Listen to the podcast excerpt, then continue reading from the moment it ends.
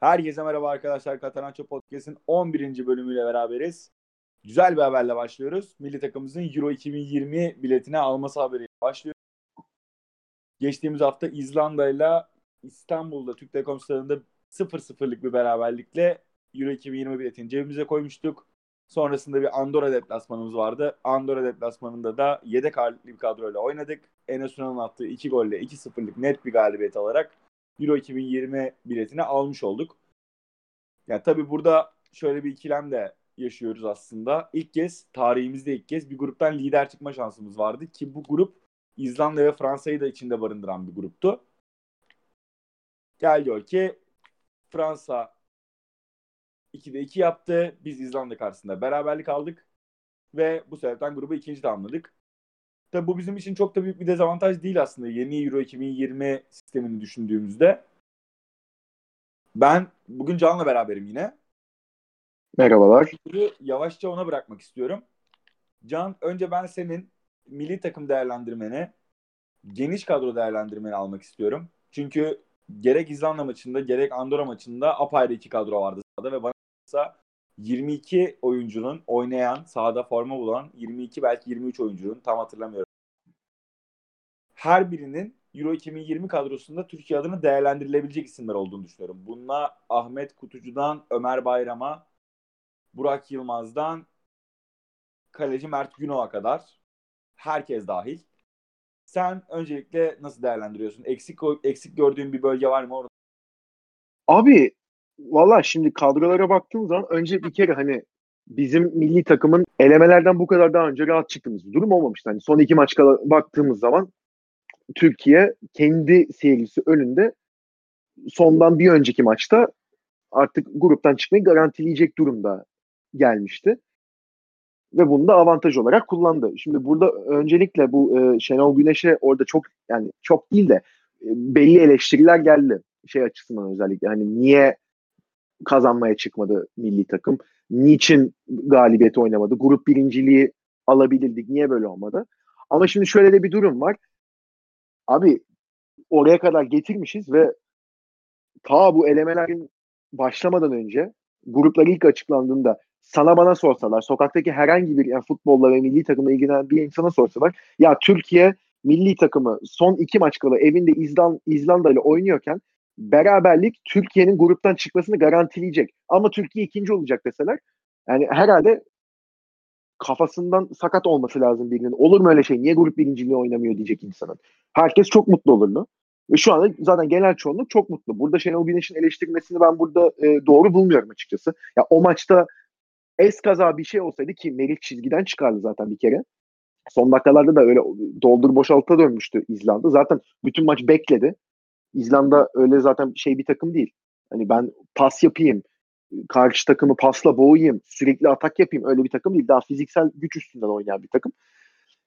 85. dakikadan sonra resmen hani başladılar bizim kaleye doğru gelmiyor. O da hep uzun toplarla, yan toplarla işte kornerdir, frikiktir veya stoperlerin attığı uzun toplarla.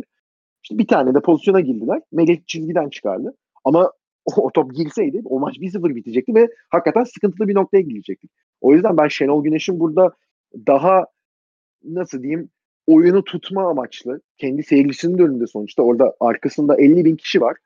Onun da gücünü alarak oyunu daha kontrollü idare edeyim. Gol yemeyeyim.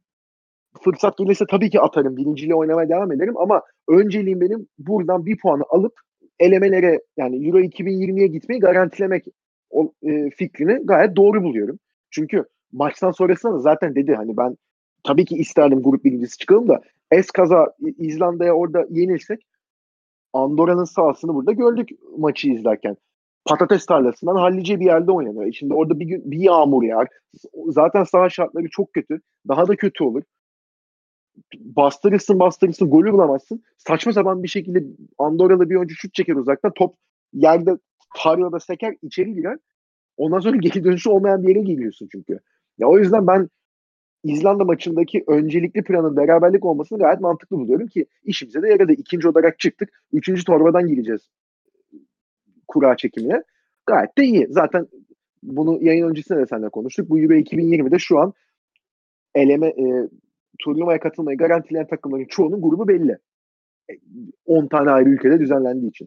Şimdi senin soruna dönecek olursak bu kadro açısından ilk defa herhalde bu kadar hani iki tane 11 çıkarabildiğimiz ve hatta bu 2-11'in üstünde kadroya giremeyen oyuncuların olduğu bir dönemden geçiyoruz. Ve bu açıkçası çok beni mutlu ediyor. İkimiz de herhalde sana da birazdan soracağım. İzlemekten müthiş keyif alıyoruz milli takımı.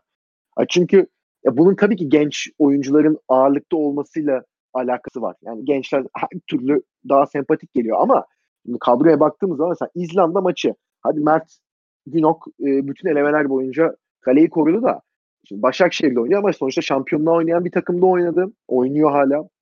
Ve milli takımın hakikaten vazgeçilmezlerinden biri olmuş durumda. Ki 3 gol yedi milli takım elemeler boyunca. Üçünü de akan oyunda yemedik. Bu zaten defansın da başarısıdır ama yan toptan yedik 3 golü de. Duran toptan pardon. Ama burada Mert Günok'un da gösterdiği performansı asla arka plana atmamamız gerekiyor. Defans ne kadar iyiyse Mert Günok da o kadar iyiydi. Hem ayağına hakim hem de Fransa maçında özellikle bu deplasmandaki maçta kritik kurtarışları vardı. Diğer maçlarda da kritik yerlerde devreye girdiği oldu. Bir kere kalemiz zaten çok sağlam. E, şimdi stoper ikilisine bakıyoruz. 4-3-3 formatıyla oynadığımızı düşünürsek Juventus'un tamam ilk 11 stoperi değil ama Juventus'un yedek stoperi var. 18 milyon euro verilip alınmış. Ve yanında Merih çok fazla konuşuluyor. Hani çok daha hırslı oynaması, işte müdahaleye girmesi, daha saha içinde savaşan bir yapıda olması nedeniyle ama Çağlar çok daha kaliteli bir oyuncu. Hani böyle bir lüksümüz var bizim şu an. İngiltere Premier Lig'de herhalde şu an en popüler 5 oyuncudan biri Çağlar. Yani geri Lineker Çağlar'la fotoğraf çektirmek için sabahın köründe havaalanında bekliyor ya. Böyle bir duruma gelmiş durumda Çağlar. Ve bunu sadece hani işte tipinin düzgün olmasıyla işte fiziğiyle değil esas oyunuyla yaptı bunu. Premier Lig'de hakikaten bu sene baktığımız zaman Van Dijk bir numara normal olarak form açısından da kalite açısından da form olarak şu an Çağlar Van Dijk'ın arkasından ikinci geliyor bence. Premier Lig'de Çağlar'dan daha iyi bir, bir formda olan bir oyuncu diye sorduğumuzda mesela senin aklına geliyor mu? United'da var mı mesela? Harry Maguire'la Lindelöf daha mı şeyde şu an formda? Değil. Yok. Alan Chelsea'de yok. 12 haftanın en popüler, en iyi ilk 11 oyuncusu listesinde de Çağlar var stoperde. Evet. Evet abi. Hani çünkü adam hakikaten acayip bir seviyede. Leicester'ın bu kadar iyi performans göstermesindeki en önemli 2-3 oyuncudan biri halinde şu an. Ve Leicester şu an ligde ikinci mi, üçüncü mü ne? Böyle bir takımın değişilmez. Yani kadro ilk yaz, yani kadro yazıldığı zaman Jamie Vardy ve Madison'la beraber ilk yazılan 3 oyuncudan biri durumunda Çağlar Şahin. Bu çok önemli. E şimdi beklere bakıyorsun. Zeki Çelik Lille'in değişmez oyuncularından olmuş. Ve her maç üstüne koya koya devam ediyor. Buradan yani ikinci ligden gelmiş bir oyuncu Fransa Ligi'nin en iyi sağ bekleri arasına girmiş. Şimdi Umut Meraş sol bekte. Benim tek yani iki pozisyonda e, soru işaretim var. Bir tanesi sol bek. Umut Meraş son İzlanda maçında gayet iyi performans gösterdi. Ama orada hani Hasan Ali geçen seneki formunu bulursa bence Hasan Ali daha güvenilir bir opsiyon olur gibime geliyor. E şimdi İzlanda maçındaki orta sahaya bakıyoruz. Mahmut, Okay, Ozan çıkmış. Mahmut bizim ligin son 3-4 senedeki en iyi oyuncularından biri. Hani orta sahasını geçtim. En istikrarlı performansını gösteren oyunculardan biri. Okay desen La Liga'da gayet iyi performans gösteriyor iki senedir. Celta Vigo'nun değişmez isimlerin olduğu tamam Celta Vigo tepeye oynamıyor da Celta Vigo orta sıralarda gayet güçlü bir takım ve takımın değişmezlerinden.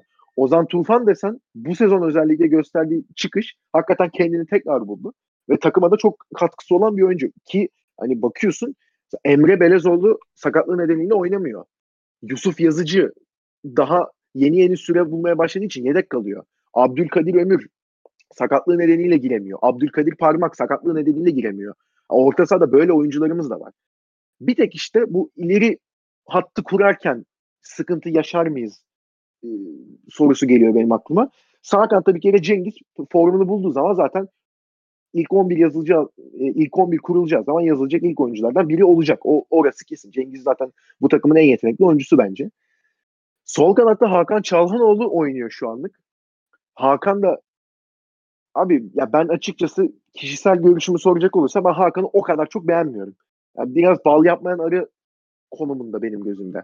Ama şimdi Milan'da kaç senedir oynuyor. Öncesinde Schalke'de kaç işte Hamburg'da kaç sene oynadı. Milli takımda Fatih Terim oynattı, Lucescu oynattı, Şenol Güneş oynattı. Demek ki bir şey var. Ki son yani elemeler devam ettikçe de bence performansını arttı. Mesela Fransa maçında Filik'ten zaten asist yaptı. Ondan öncesinde Buran kaçırdığı pozisyonda verdiği pas çok iyiydi. Çok etkisi vardı yani maça. E, Forvet'te şu anlık Burak oynuyor. Burak çok önemli bir oyuncu ama 34 yaşında artık hani turnuva temposunu kaldırabilecek mi? Ondan emin değilim. Cenk keşke formda olsaydı da hani oynuyor olsaydı Everton'da Cenk bence Burak'ın önünde olurdu. Burada bence hani forvet hattında sıkıntı yaşayabiliriz gibi geliyor. Ben burada sana pası şöyle atmak istiyorum. Andorra deplasmanında da Enes Ünal ve Ahmet Kutucu ikilisiyle çıktı Şenol Güneş. Enes Ünal da maçı iki golle tamamladı.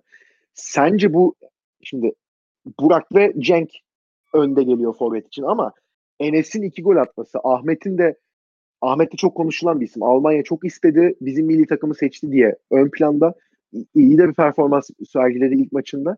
Sence bu dörtlü takımın hücum aksiyonlarını taşıyabilecek seviyede mi? Yoksa forvette e, turnuvada sıkıntı yaşayacak mıyız? Ya önce sorduğun sorudan başlayayım ben de o zaman. Santrafor mevkisi için ben Cenk ve Bruin e, yaşları ve özellikle Cenk'in çok fazla forma şansı bulamamasından mütevellit turnuvada çok fazla takımın yükünü çekecek oyuncular olduklarını düşünmüyorum.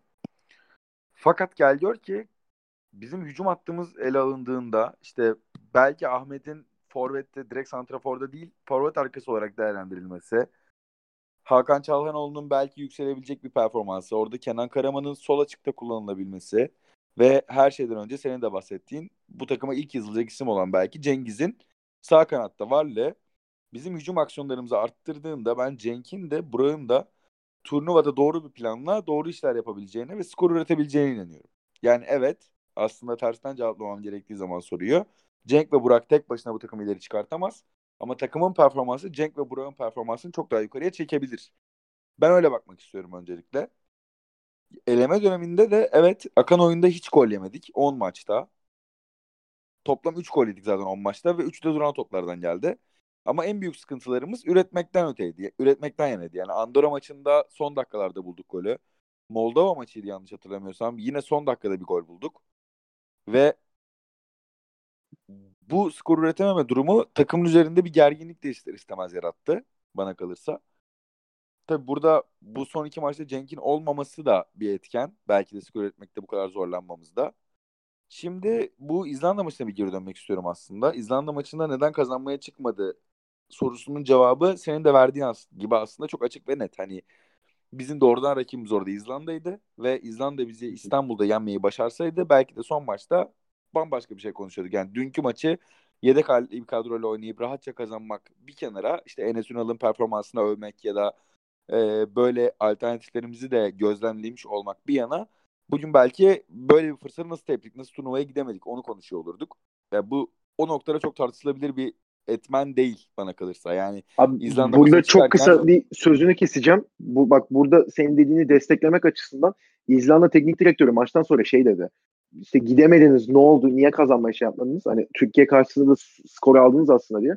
Evet dedi biz Türkiye'den iki maçta dört puan aldık da Türkiye gitti Fransa'dan iki maçta dört puan aldı. Biz o yüzden çıkamadık. Yani biz grupta hani yapmamız gerekeni yapmış olsak bile Türkiye bizim çok üstümüzde performans gösterdi diye bizi övdü. Ya yani böyle bir durumdayken zaten o maçı niye kazanmadın da birinci olmadın diye kızmak ben sana katılıyorum burada tamamen. Ya aslına bakarsan orada şöyle de bir şey var. Ben maçı izleme fırsatı buldum ve izlediğim kısımda şöyle bir şey gözlemledim. Bizim 70'e kadar bir şekilde golü bulmamız gerekiyordu ve bizim beklentimiz de İzlanda'nın bu turnuvaya gitmek için üstümüze gelmesiydi.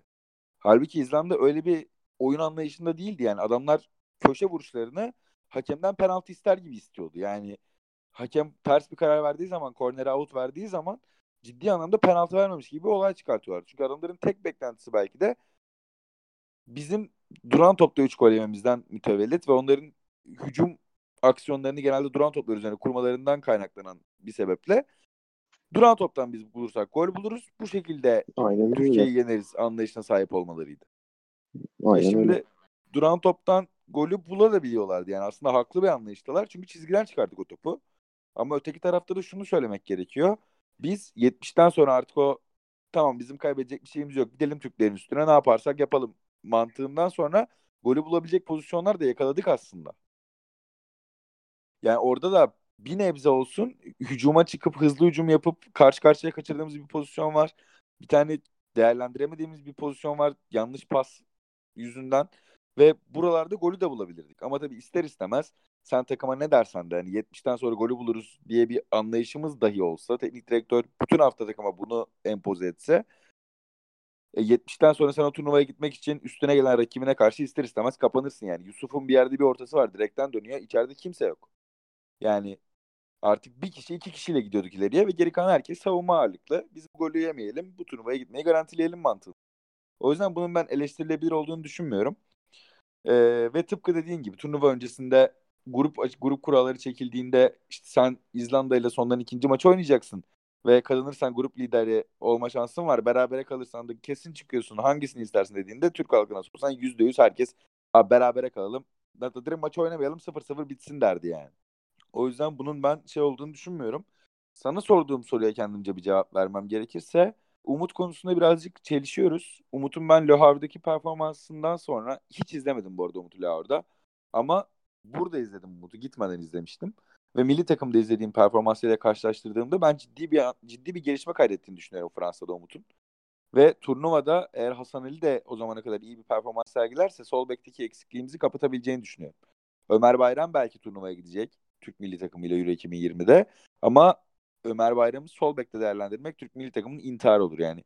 Orta sahada dinamizm katmak, işte takımın performansını arttırmak, e, orta sahayı yedeklemek, belki hücum aksiyonlarına katkıda bulunmasını sağlamak adına Ömer'i değerlendirmek bence çok doğru bir tercih. Ya bence Ömer çok yanlış kullanılmış zaten bugüne kadar. Yani adam bek falan değil yani. Çocuk da keşke çıkıp söyleseymiş ben bek oynamam abi diye. Hem kendine yazık etti hem oynadığı takımların beklerine yazık etti. Bayağı boşu boşuna harcamış bir iki senesi var yani çocuğun. O yüzden e, sol bekte ben eksiğimiz olduğunu düşünmüyorum. Tam aksi sağ tarafı bugün düşündük. Bir sohbet esnasında konuşurken. Sağ tarafı nasıl yedekleriz ben onun tam cevabını veremedim aslına bakarsan. Yani orada kullandığımız isim kim oynuyordu bizim sağ tarafımızda? Zeki'nin yedeği Kaan Ayhan abi. Bence Kaan Ayhan Zeki orada gayet iyi götürüyor. Kaan Ayhan Kaan Stoper'i de yedekleyebilir. Ben de aynısını düşündüm ama Ki, Nazım Sangari'nin şöyle, de Andorra maçındaki ikinci yarıda iyi bir performans sergilediği konuşuluyor. Nazım e, da şöyle bir şey var ama unutulan bir isim de var abi. Bence hani turnuvaya kesinlikle gelecek formunu da yükselttikten sonra Gökhan Gönül var abi. Ya Gökhan da orada çok etkili bir isim. Şenol Güneş'in de çok iyi anlaştığı, yani, çok iyi tanı yakından tanıdığı bir isim. Ama mesela 23 Caner yok bir kadro çıkartırken 23 kişilik bir kadro çıkartırken bu kadronun olabildiğince çok pozisyon alternatifli bir kadro olması gerekiyor. Zeki'nin yedeğinin orada Kaan Ayhan olması, Kaan Ayhan'ın stoperi de yedekleyebilmesinden dolayı bence çok daha doğru bir tercih olur. Çünkü Muhtemelen ya. işte Ozan Kabak, Kaan Ayhan, Merih Demiral ve Çağlar Söyüncü dörtlü stoper hattıyla gideriz. Mert Çetin de var bence. Mert de Efendim? Mert Çetin de var bak bence e, Kaan Ayhan'ı stoper yediğinden çok sağ bek yediği olarak düşünecek ve hani dörtlü savunmada yani Zeki, Melih, Çağlar, işte Umut veya Hasan Ali olacak. İki stoper yediğimiz bence Ozan'la Mert Çetin olacak. Ve Kaan Ayhan daha çok hani ya orta saha yedeği ya da esas olarak bence sağ bek yediği olarak değerlendirilecek. Ya biz Mert uzun de var yani. kalmayı düşünüyorsak ama turnuvada şöyle de bir şey var. 23 kişilik kadronun 8-9 kişi, 9 kişisine e, savunma ağırlıklı bence kurmamamız gerekiyor. Yani üçte birinden işte. daha fazlasını biz savunma ağırlıklı kurmuş oluyoruz. O yüzden bence çok kritik Kaan Ayhan'ın iki tarafı da yedekleyebiliyor olması. Mert Çetin evet. yani evet Roma'da oynuyor. Performansını yükseltirse neden olmasın? Neden gitmesin turnuvaya? Ama bu turnuvaya senin en başta dediğin gibi gidemeyecek belki çok fazla oyuncumuz. Ve bu sebepten dolayı da bence o savunma hattında olabildiğince fazla mevki alternatifli oyuncuyu kullanmak çok daha mantıklı geliyor bana. Ozan Kabak belki biraz duygusal düşündüğüm dahildir diyorum. Ee, belki Ozan yerine Mert gider turnuvaya. Onu kimse bilemez şu andan. Ama Merih, Çağlar, Ozan, Kaan Ayhan, Zeki, Hasan Ali, Umut Meraş. Kaç oldu saymadım ya. Başka ee... yapalım. Merih Çağlar, Ozan 3, Kaan Ayhan 4, Zeki 5, Hasan Ali 6, Umut Meraş 7. Kaleyi 7 de sayalım. Zaten. Mert'le Mert'le Uğurcan gider tahminimce. Uğurcan. Üç kaleci mi evet. Muhtemelen yani Altay'ı da oraya katacağımızı düşünürsek e, 9 oldu. Yani, yani 9 kişiyi dokuz buraya kullandıktan sonra evet. bir 10'uncuyu buraya evet.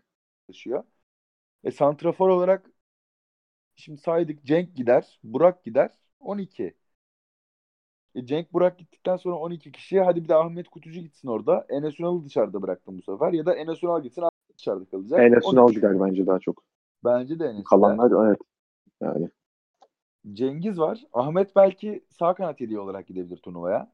işte tabii, abi daha işte demin dedim ya iki tane Abdülkadir var. Bak yani sakatlığı nedeniyle Ya 20 Abdülkadir'lerin ben sakatlıktan nasıl döneceklerini bilmediğim için aslında turnuva görebilecekleri konusunda özellikle Ömür'ün turnuva görebileceği konusunda şüphelerim var. Yani 7 ay Ab- sakat kalacak daha 3 Hı. ayı var Abdülkadir Ömür.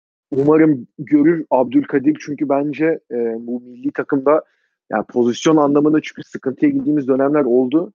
E, Abdülkadir'e bence ihtiyacımız olacağı zamanlar olacak ve o kritik bir no- rol de oynayacak. Yani sağ kanat olarak kullanılıyor genelde ki kendisi bence bir 10 numara bile değil. Bence 8 numara e, Abdülkadir ki çıkışı da öyleydi yanlış hatırlamıyorsam. Yani o orta saha üçlüsünde hani Emre Ozan veya Emre Mahmut, Ozan Mahmut ikilisinin önüne daha oyun kurma anlamında koyup verim alabileceğimiz bir isim bence olacak Abdülkadir. Eğer formunu bulabilirse tabii sakatlıktan dön- iyi dönebilirse. Umarım döner o yüzden. Yani şu sohbet benim inanılmaz hoşuma gidiyor aslına bakarsan. Çünkü Evet abi ya. ve Yani, sürekli arkadan geliyor. Gerçekten hani Evet. nazar değmesin bir ne denir bilmiyorum ama gerçekten çok güzel bir Evet. jenerasyonla karşı karşıyayız ve ben iple çekiyorum yani Haziran'ı. Ben de. Abi şeyi hatırla bu e, Euro 2016'da ilk maç Hırvatistan maçını senle ben beraber izlemiştik. Otobüste Berlin'den Münih'e geliyorduk. Hani o Doğru, zamanki hissettiğimiz ve hani takım hakkındaki düşüncelerimizle şu anki daha turnuvaya 8 ay var neredeyse. Şu anki hissettiklerimiz arasında ne kadar dağlar kadar fark var zaten orada hesabı. Yani şöyle söyleyeyim sana şu anki milli takımın ilk turnuva maçını ben senle dahi olsa otobüste izlemem. Yani ya, şu an çok farklı bir seviyedeyiz ve bu hakikaten ya dediğim gibi genç isimlerin de olması çok büyük etken burada. Hani daha belli bir yerlere karışmamış. E bir daha abi Euro 2016'da baktığın zaman hani sıkıntı çıkaran tabii ki insanlar vardı orada. Fatih Terim'in özellikle zıtlaştı ve orada bence iyi yönetemediği bir süreç vardı da. Abi orada hani sıkıntı çıkaran esas isim sonuçta artık milli takımda değil. Zaten bitti yani futbol kariyeri neredeyse. Yani Başakşehir'de yedeğin yedeği olmuş durumda. Kadroya giremiyor Arda Turan. Zihniyetin ki Emre Belezoğlu da uzun bir süre milli takıma alınmadı. Burak Yılmaz uzun bir süre milli takıma alınmadı. Caner'e Gökhan'a uzun bir süre milli takıma alınmadı. Hala. Yerlerine ki hala girmiyorlar. Aynen öyle. Yerlerine zaten çok daha ileri alındı.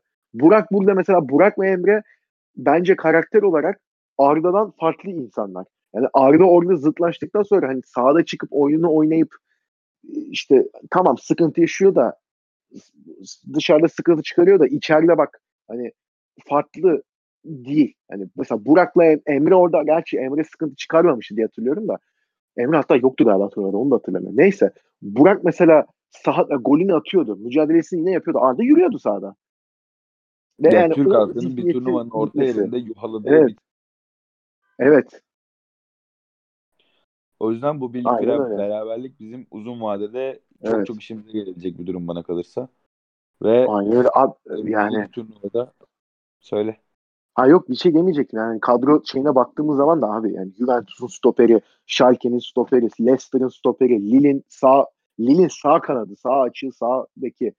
Yani Roma'nın sağ açığı, Milan'ın sol kanadı yani çok farklı bir şey- seviyedeyiz ya şu an bence hani ve yaş ortalaması da çok düşük yani başarıya aç hakikaten milli takım içinde bir şey yani ülkesi içinde milli forma içinde bir şeyler yapmak isteyen ve hatta bu turnuvayı mesela Abdülkadir Ömür keşke sakatlanmasaydı da bu sezon performansını arttırarak devam edip mesela Euro 2020'de patlamasını yapıp süper bir transfer yapacaktı. Ki hala yapabilir. Bu, bu şey değil ama hani bu turnuvayı bu şekilde görecek aç oyuncular da var. O da çok önemli. Ya kalbur üstü takımlarda oynayan ve top teams'e transfer hedefi kuran, hayali Evet. kuran oyuncularımız da var. Yani Merih'in bu turnuva sonrası Juventus'un ilk 11 oyuncusu olması işten Evet. değil.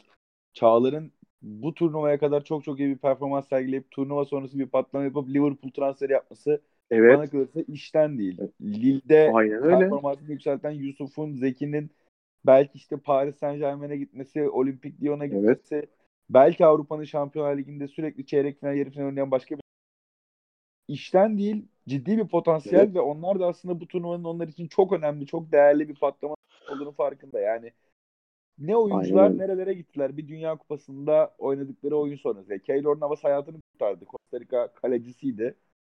Evet. Adam bir turnuvada iki maçı iyi oynadı diye Real Madrid yaptı. Tamam belki kalecilik Evet. başka bir şey ama bu transferleri yapmaya çok aday oyuncularımız da var. O başarıya açlık ve milli duyguların yani milli bir başarıya da istekli olmak bu ikisinin birleştiği noktada hem beni çok heyecanlandırıyor hem Türk halkını balıkları sahada oyun oynanırken çok heyecanlandırıyor. Evet. Aynen öyle. Çok katılıyorum tamamen.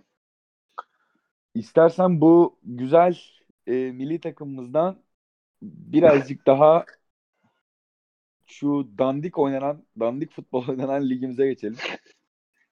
Geçelim. Ufak Cuma bir günü- değerlendirme. Cuma günü milli ara sonrası ligimizin yeni haftası başlıyor. Bir Galatasaray Başakşehir karşılaşmasıyla. İki takımın da geçen sezon Arena'da Türk Telekom Stadı'nda oynanan karşılaşmada şampiyonluk maçına çıktığını düşünürsek orayla arasında çok alakalı ol yani bir bağlantı bile kuramayacağımız bir maç yani Galatasaray maçı. Başakşehir yeni yeni toplamaya çalışıyor bu sezon. Galatasaray toplamaya dahi çalışamıyor artık. Bir sürü sakat oyuncusu var milli takımdan. Ee, bir de müzmin sakatı Radamel Falcao'su var. Bu hafta oynayacak diye bekleniyordu Falcao ama kendisi yarın itibariyle bir haftalığına bir İspanya seyahatine çıkmaya karar vermiş. İspanya seyahati sonrası da tedavisine devam edilecekmiş. Tedavisinin ne zaman sona ereceğine dair de herhangi bir bilgi verilmiş. Yok. Yani artık e, biraz komik olmaya başladı ya. Hani Müsait olduğu vakit. tedavisi falan deseler güleriz eğleniriz belki ama hani onu da yapamıyoruz. Yok. Yani bitmeyecek. E, tabii Galatasaray'ın şöyle de bir handikapı var. Buffett'in bir Gomis sonrası işte bir Kostas Mitroğlu ve Mbaya Cagne transferleri yapıldı. O, o yapılana kadar zaten hiç forvet yoktu. Eren Derdi yok saymıyorum. E, bir Mbaya Cagne bir Kostas Mitroğlu transferi yapıldı. Mitroğlu bir maç oynadı Galatasaray bugün. Mbaya Cagne e, forvet yani bin şahit isterdi Galatasaray santrafor. Galatasaray santrafor var demek. Tabii o bitti. Hadi bu sezon başlangıcında işte e, Radamel Falcao, Florin Andone, hadi gerekirse Babel de forvet. Önce Falcao full sakat çıktı. Sonra Andone bağlarını kopardı. O da sezonu kapattı Galatasaray adına belki. Hadi bari Başakşehir maçında Babel oynar diye hayal kuruyor Galatasaray taraftarı. Babel'in de acı haberi çok gecikmedi. Onun da terbiyi kaçıracağı, Başakşehir karşılaşmasını kaçıracağı söylendi. Ve bir Galatasaray taraftarı klasiği Cuma gününü forvetsiz oynayacak kadrosunu izlemek için bekliyor Galatasaray. Yani dönüp dolaşıp forvetsiz kalıyor bu takım. Ben de ona çok şaşırıyorum açıkçası artık. Yani Gomis giderken Juju büyüsü falan mı yaptı acaba bize? 300 bin euro verdi. Galiba ya. Ne bileyim ya. Yani Adamın Marsilya kariyeri de böyle bu arada. Marsilya'dan gittikten sonra Marsilya bir buçuk sezon forvet bulamadı. İşte Mitroğlu'yu alıyorlar. Mitroğlu'yu Galatasaray transfer edince Marsilyalılar bayağı dans etti ya sevinçten. Oh be sonunda diye. Galatasaraylılar da oh ya forvet yedeği geldi dedi. Ya benim gördüğüm en garip transferlerden biriydi o gerçekten yani. Hani düşün hani Allah O memnun seviyede veren yani. memnun işte. Ben, Aynen ben gayet memnunum mesela Kostas Mitroğlu transferi. Geçen Evet, tabii. tek golle bana kalırsa bütün ederini çıkarttı Mitroğlu. Aynen öyle.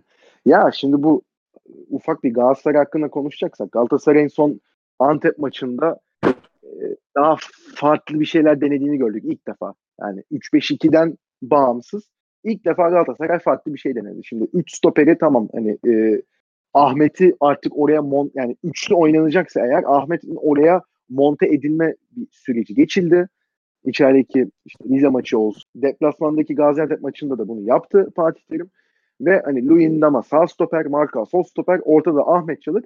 Orada iyi bir üçlü olarak durdular. Şimdi Luyendama'nın sağ stoper olduğu bir denklemde sağ kanat beki oynayan Mariano mesela sırıtmadı o maç. Niye? Daha rahat ileriye gidebildi. Geriye o kadar haldır haldır koşmasına gerek kalmadı. Mesela sen bir önceki yerinde demiştin ya Mariano son 15 dakikayı bekliyor maçta. Son 15 dakika kendini yırtıyor diye. Bunu yapmasına mesela gerek kalmadı. Niye? Çünkü Luyendama atılan yani Mariano ataktayken kontraya çıkmaya çalışan Antep'i bütün ataklarını Luyendama kesti zaten. Zaten hani tam bir o da üçlünün sağ stoperi. Marka da tam bir üçlünün sol stoperi. Hızlı, ayağına hakim, gerekince pasını verebiliyor. Top kesiyor. O Ahmet de ayağına hakim bir oyuncu değil ama arkada daha böyle süpürücü görevinde hava hakimiyeti ortalamanın biraz üstü olan bir oyuncu ve müdahaleleri de geçmişe göre daha iyi gözüktü. O yüzden üçlü stoper attığını orada Galatasaray halletmiş gibi gözüktü. Şimdi orta sahada burada değişiklik yapıldı. Orta saha üçlüsü yani kanat beklerinin arasında oynayan. Şimdi Lemina ile Ömer Bayram'ı zaten beraber görmüştük. Bu sefer orta sahada oyun kurucu yani artık ben numara vermek istemiyorum. 8'miş 10'muş falan. Ben bu tartışmaya gitmek istemiyorum. Yok çünkü öyle bir şey yani artık. Oyun kurucu görevini üstlenmesi için Feguli orada oynatıldı. Bir sene önceye dönelim. Tam bir sene önce yine bir 10. hafta mı 11. hafta maçı Kayseri deplasmanında Feguli or, üç, e, pardon beşli orta sahanın ortasında çıkmıştı. Kanatta değil ortada oynamıştı. Ve yine çok iyi bir performans sergileyip oradan alıp götürmüştü ligi ondan sonra. Yine aynısı oldu. Feguli burada attığı golden bağımsız konuşuyor. Takımı çok rahat atağa çıkardım. Hücumda orta sahayla hücum arasındaki pas bağlantısını çok iyi yaptı. Zaten top da sürebilen bir oyuncu. Hızı da gayet yeterli olan bir oyuncu bizim ligi düşündüğümüz zaman. O rolü gayet yine çok iyi bir şekilde bir sene sonra aynı şekilde üstlendi ve takımın galibiyete gitmesinde çok da yardımcı oldu. Sol tarafta da Ömer'in orta sahada on, oradaki o dinamikliğini kullanmak için Fatih Terim sol tarafta Nagatomo'yu kullanmadı. Ömer e, pardon Emre Taşdemir'i kullandı. Bunda zaten hani meyvesini ikinci golde direkt aldı Galatasaray. Ömer Bayram araya bir tane top attı çok güzel. Emre Taşdemir çok iyi bir koşu attı. Tak diye bir çıkardı ortaya. Feguli zaten bayağı 20 metre depar attı. Kalenin içinde bomboş buluştu attı golü. Yani Galatasaray'ın ilk defa güzel bir hücum opsiyon yani güzel bir hücum organizasyonu sunduğunu gördük bu sene ilk defa. Ki maçın ikinci yarısında da Galatasaray biraz daha geriye çekilmişti. Normal olarak Gaziantep çünkü kontra üzerine oynayan bir takımdı. Daha bunlar zaten hani topu alsın. Biz zaten açamayacaklar. Biz oradan pozisyon buluruz mantığıyla gitti Galatasaray. Feguli'nin iki topu direkten döndü. Kaçan 2-3 tane daha başka pozisyon var. Galatasaray istediğini alarak çıktı orada. Ama şimdi Başakşehir maçında bu ne kadar işe yarıyor? Ondan çok emin değilim. Başakşehir çünkü temposunu arttırmış durumda. E, galibiyetler gelmeye başladı. Galatasaray'la aynı puandalar şu an ligde Başakşehir 5. Galatasaray 6. Ve hani Galatasaray'ın da bu kadar sakat oyuncu barındırdığı bir yerde Başakşehir'in de açıkçası e, şansını çok da yatsımamak lazım. Sen mesela ne düşünüyorsun? Galatasaray yine üçlü mü çıkacak bu maça yoksa bu kadar sakatın da etkisiyle bir dörtlüye geri dönüş olur mu? Ve geri dönüş olursa tabii bu oyunu etkileyecek yine? Yani Galatasaray'ın o üretemeyen haline mi dönecek? Ya ben milli ara sonrası Galatasaray'ın üretememeye devam edecek baştan diyeyim. Sonrasında dörtlüye dönüş konusunda ya Başakşehir'in hücum aksiyonlarını işte İrfancan sakatlıktan döndü mü bilmiyorum tabii ama İrfancan ve Vişça'nın da hücum aksiyonlarını düşündüğüm zaman ben Nagatomo'nun back performansının Vişça karşısında geçen sezonlarda iyi olduğunu düşünüyorum. Ve Nagatomo'nun orada oynamasını varsayarsak dörtlü savunma kurgusunun Galatasaray adına daha verimli olabileceğini düşünüyorum. Tabi orada bu benim düşüncem. Fatih Terim'in bambaşka düşünceleri olduğunu biliyorum. Ahmet Çalık'ın iki hafta üst üste iyi performans sergilemesi Ahmet Çalık'ın bana ise Galatasaray'da kesik yemeyeceği anlamına gelir. Burada karar opsiyonunu yaratan şey Luyendama'nın milli takımda sakatlanmış olması. Eğer Luyendama sakat bir şekilde milli takımdan döner ve Başakşehir maçını geçirecek durumda olursa o zaman karşımıza şöyle bir opsiyon çıkıyor. Şöyle bir sebep çıkıyor diyeyim daha doğrusu. Ee, Ahmet Çalık Markao ikilisi stoperde olur. Ya Donk onların arasına girerek üçlü stoper hattına devam eder Galatasaray. Ya da Ahmet Çalık Markao ikilisi yine stoperde olur. Ve Mariano Nagatomo dörtlüsüne dönüp daha garanti savunma sistemi uygulamaya çalışır. Senin söylediğin opsiyon Galatasaray'ın hücum organizasyonlarına daha yaratıcı daha doğru. Ama içeride oynuyorum. 40 küsur maçları kaybetmiyorum. Bu maçı da benim için kaybetmemek daha önemli. Zihniyetinde sahada olursa Galatasaray o zaman dörtlü savunma kurgusunda kullanabilir. Bu noktada senle soru işaretini giderdiğimiz şey yani %100 bu şekilde olmasını olması gerektiğini düşündüğümüz şey yayın öncesi konuştuğumuzda Lemina Ömer Feguli üçlü orta sahasında olması Galatasaray'da. Tabi Babel'in sakatlığı söz konusu olduğunda ve Falcao'nun yokluğu söz konusu olduğunda 4 ya da işte 3-5 gibi düşünelim. Mariano ve e, Emre Taşdemir oynadığını düşünelim ve Ahmet Donk marka çıktığını düşünelim Galatasaray'ın. 9 oyuncusu bu şekilde tamam. Geri kalan 2 oyuncusu kim olacak? Ve Santrofor'da kullanabileceği iki oyuncu var mı gerçekten Galatasaray'ın? Hadi Gazişehir maçında, Gaziantep maçında düzeltiyorum. Ee, Adem vardı sahada. Adem santrofor oynayabilme kapasitesine sahip ve oynar. Ama Adem'in yanında onu ikinci santrofor haline getirebilecek ya da Adem'in ikinci santrofor olabilecek kim Galatasaray'da bu konuda soru işaretlerim var. Yani Emre Mor'un bunu yapabileceğini düşünüyorum. Yapamaz abi Emre Mor. Kim peki?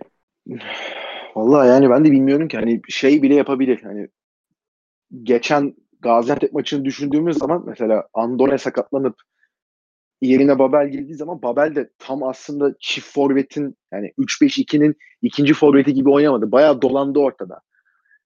Ve hani Babel ilk defa bence o maç takımı adına yararlı şeyler yaptı. 2-3 tane güzel çok iyi arapası vardı. Adem iki tane kaçırdı. Bir tane e, Feguli yanlış hatırlamıyorsam kaçırdı. İyi koşular da attı. O maç hakikaten ilk defa takımı o, takımın hücum aksiyonlarına katkısı oldu Babel'in.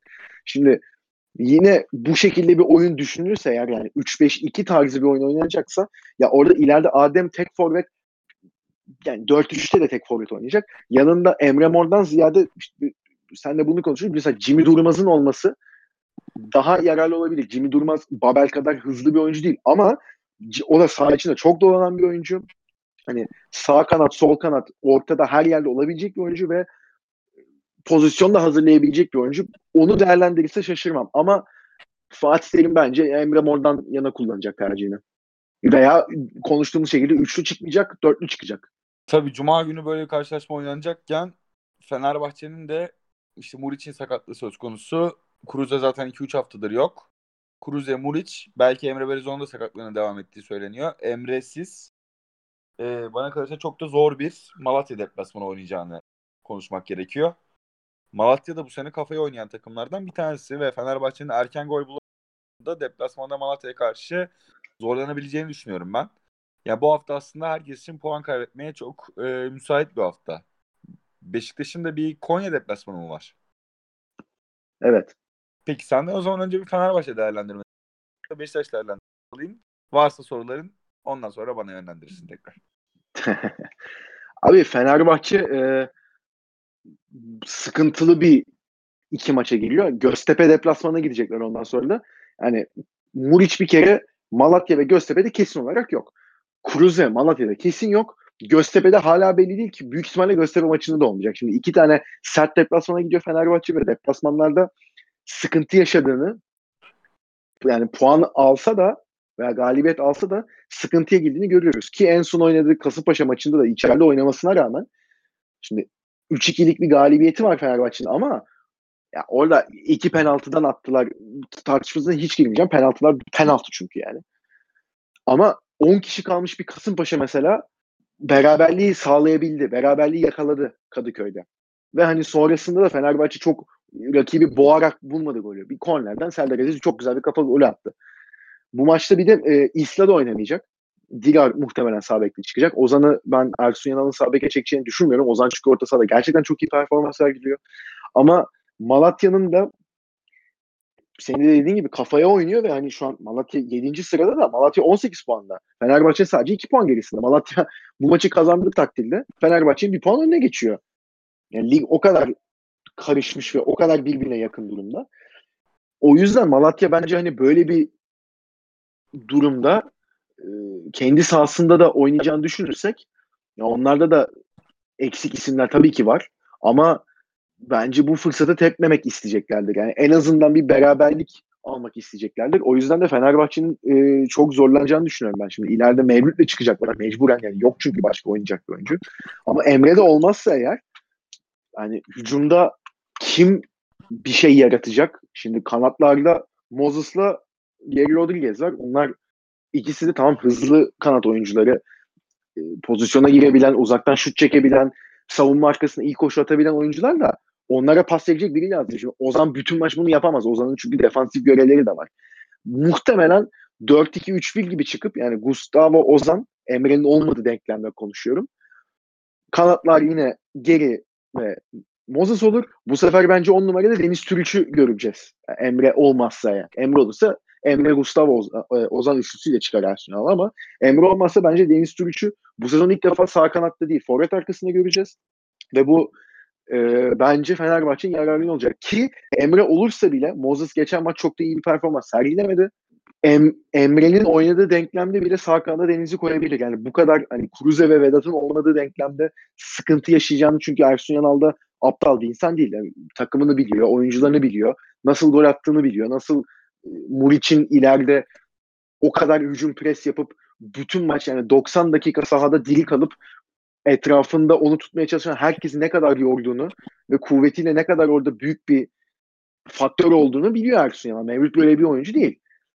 O yüzden hani Emre ve Deniz'i aynı anda saha içinde görebiliriz. Hatta Tolga Ciğerci'yi bile koyabilir burada sahaya. Yani daha hani ayağa top yapan isimleri bence oynatacak burada Ersun Yanal. Ama Malatya'da kendisi... Bitmesini bekledim. Heh, Tolga konusunda tabii. katılıyorum. Bence Tolga ilk 11 oynayacak bu arada. Ama Deniz Türüç'ün neden 10 numara pozisyonunda Fenerbahçe için daha iyi bir opsiyon olacağını düşündüğünü anlamadım. Ben Deniz'in üretkenlikten uzak bir oyuncu olduğunu düşünüyorum. Geri Abi Deniz kanat olarak kullanıldığında aks, kanat aksiyonlarını arttırabilir. Çok iyi orta yapıyor. Adam eksiltiyor bazen ama kanatta ortanın ortanın ortasında değil yani bana kalırsa. Ve üretken bir oyuncu da değil bana kalırsa. Neden öyle söyledim? Şey yapamadım, çıkaramadım. Abi Deniz ilk Kayseri'de kendini gösterdiğinde 10 numaraydı. Sonradan Sarkan'da çekildi. Kayseri'de de şey olduğu için. Hani tam bir Hakan Çağlanoğlu'nun hani iki gömlek altı bir oyuncu olarak görüyorum ben Deniz'i. Evet şeyde üretme açısında sıkıntılar yaşıyor da ben bunu hani iyi orta açıyor soluna çekip sağ kanattan da adamın tek özelliği orta açmak değil. Çok ben beğendiğim bir oyuncu değil. Yine bu tarz Hakan'la işte benzer oyuncular olduğunu söylüyorum ikisinde. Sevdiğim tip oyuncu değil. Yani nerede oynadığı belli olmayan, nerede oynadığı belli olmayan, işte sağdan sana ne vereceği tam belli olmayan şeyler ama Deniz'in Kayseri'de bu 3-4 sezon önce yani ilk kendini gösterdiği vakitte 10 numarada takımın hücum aksiyonlarında rol aldığını açıkçası izlemiştim. Yani top da sürebiliyor çünkü ileriye doğru. Ve hani şut çekiyor kaleye. Mesela bu sezon şut kale çekti mi şu ana kadar onu bile hatırlamıyorum. Denedi mi onu bile çok şey yapmıyorum.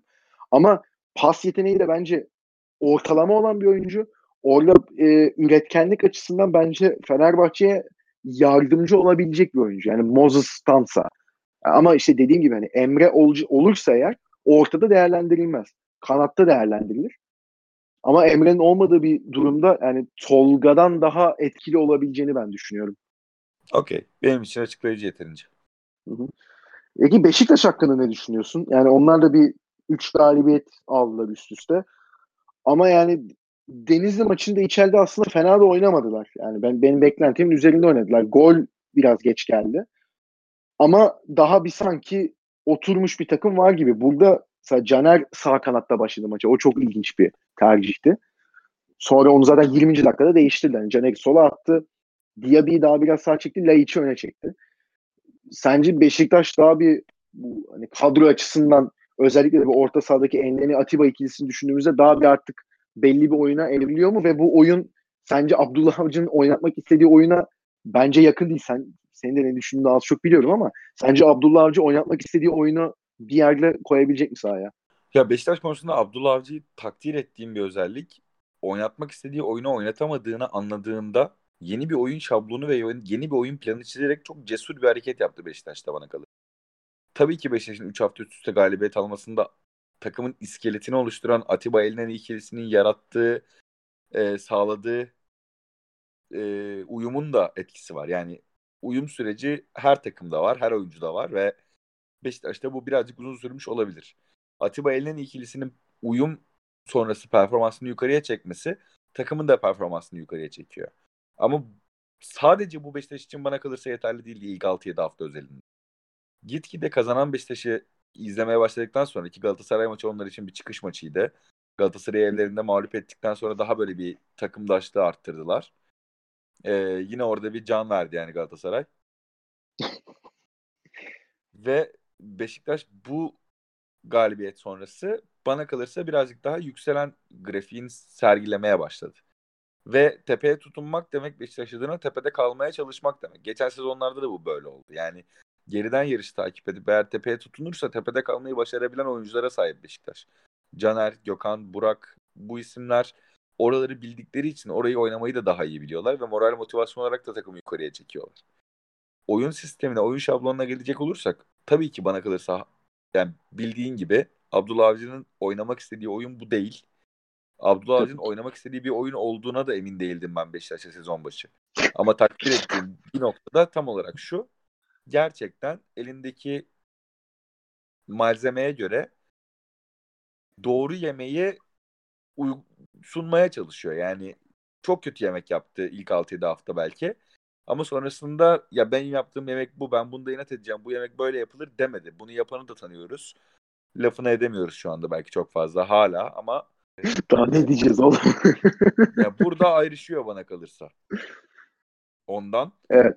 E, yani kimi kastettiğimizi hepiniz 3 aşağı 5 yukarı anlamışsınızdır. Onun tabi şablonları var. Yaşının da vermiş olduğu bir etmen.